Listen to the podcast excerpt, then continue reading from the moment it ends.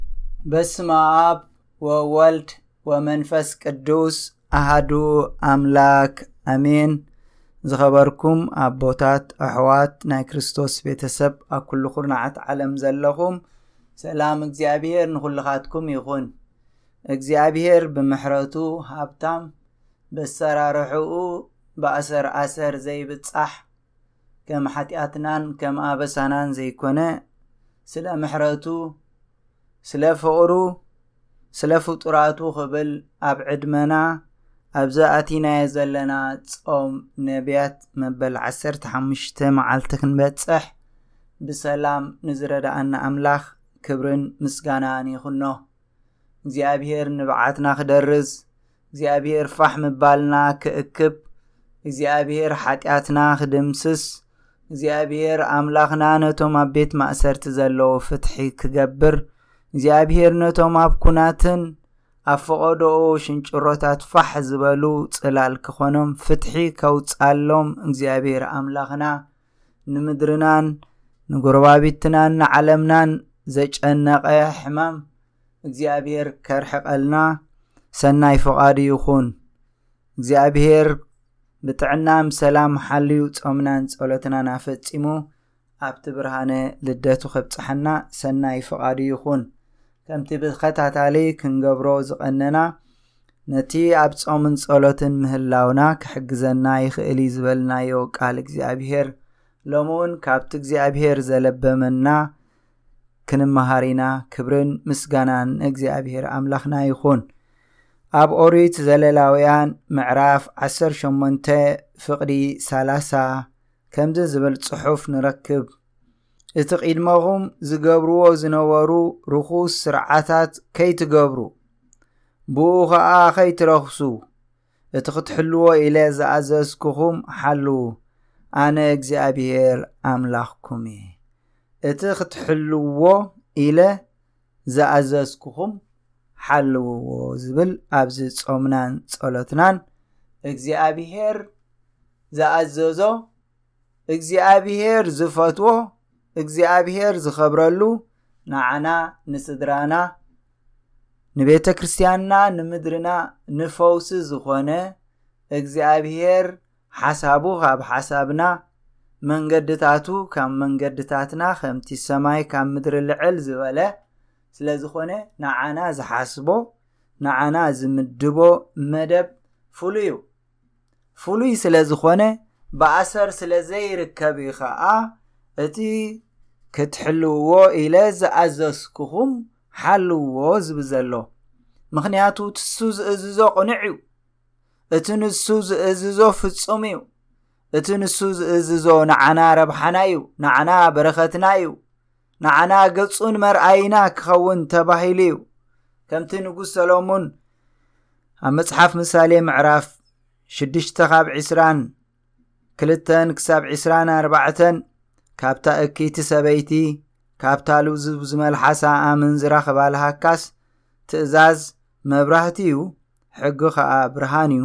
ተግሳጽ ትምህርቲ ድማ መንገዲ ህይወት እዩ እሞ እንተ ኸድካ ይመርሓካ በጥ እንተ በልካ ይሕልወካ እንተ ነቓሕካ ድማ የዛርበካ ኢሉ ቃል እግዚኣብሔር ክንሕልዎ ዘለና ከነኽብሮ ዘለና ከነተግብሮ ዘለና ትእዛዝ ምዃኑ ብንጹር ይነግር እዚ ሕጊ እዚ ኣብ ኢድ ሊቀ ነቢያት ሙሴ ክወሃብ ከሎ ብዙሓት ወለዶታት ተረቢሖምሉ ተገልጊሎምሉ ሓሊፎም እዮም ክብሪ ንእግዚኣብሄር ኣምላኽና ይኹን እቲ ሕጊ እግዚኣብሄር ዝሓለወ በቲ ዝሓለዎ ትእዛዝ ሕጊ እግዚኣብሄርን ተቐዲሶም እዮም ከቢሮም እዮም እግዚኣብሄር ነቲ ትእዛዙ ስለ ዝኣዘዙ ስለ ዘተግበሩ እሺ ስለ ዝበሉ ሕራይ ስለ ዝበሉ ቐዲስዎም እዩ እቶም ነቲ ሕጊ ዘፍረሱ ካብ ህዝቢ ኣምላኽ ይኹን ካብ ኣህዛብ ብዙሓት ረኺሶም እዮም ብዙሓት በረኸት እግዚኣብሔር ጎዲልዎም እዩ ኣቦታት ኣዴታት ኣሕዋት ኩልኻትኩም ኣብ ኩሉ ኩርናዓት ዓለም ዘለኹም ኣብዚ ጾምን ጸሎትን ናይ ነቢያት ዘለናዮ ቤተ ክርስቲያን ከኣ ክንረብሕ ኢላ እቲ ከርባሓና ዝኽእል እቲ ገጽ እግዚኣብሔር ከርእየና ዝኽእል ኢላ እያ ንረብሓና እዚ ጾምን ጸሎትን ሂባህና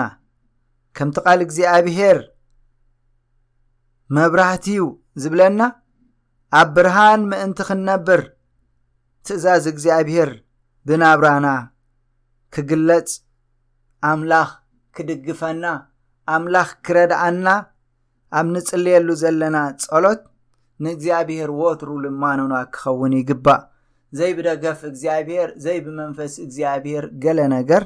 ክግበር ኣይከኣልን እዩ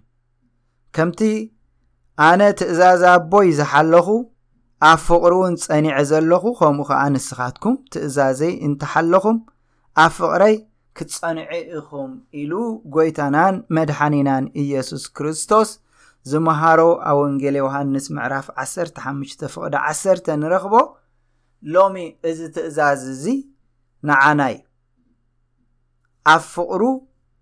ክንጸንዕ ዝተኣዘዝና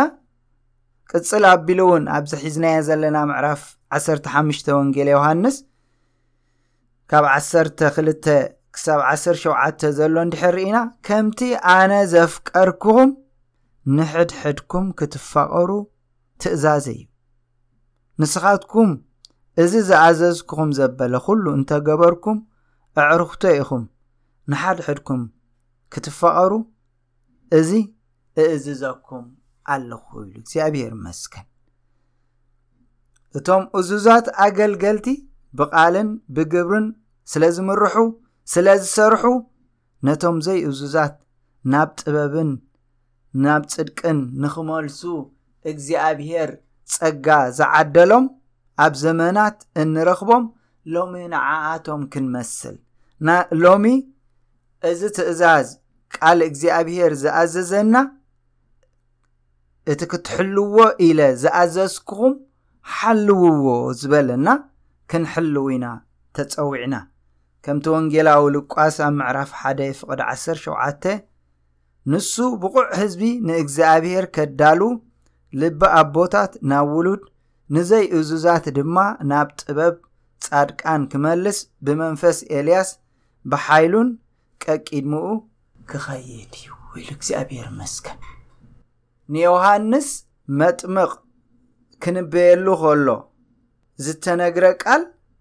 ሎሚ ንዓይን ንዓኻትኩምን ኣብዚ ጾምን ጸሎትን የዘኻኽረና ኣሎ ንሱ ብቑዕ ህዝቢ ንእግዚኣብሄር ከዳሉ ልቢ ኣቦታት ናብ ውሉድ ንዘይእዙዛት ድማ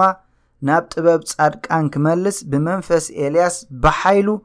ቀቂድምኡ ክኸይድ እዩ ዝተባህለ እዚ ትእዛዝ እዚ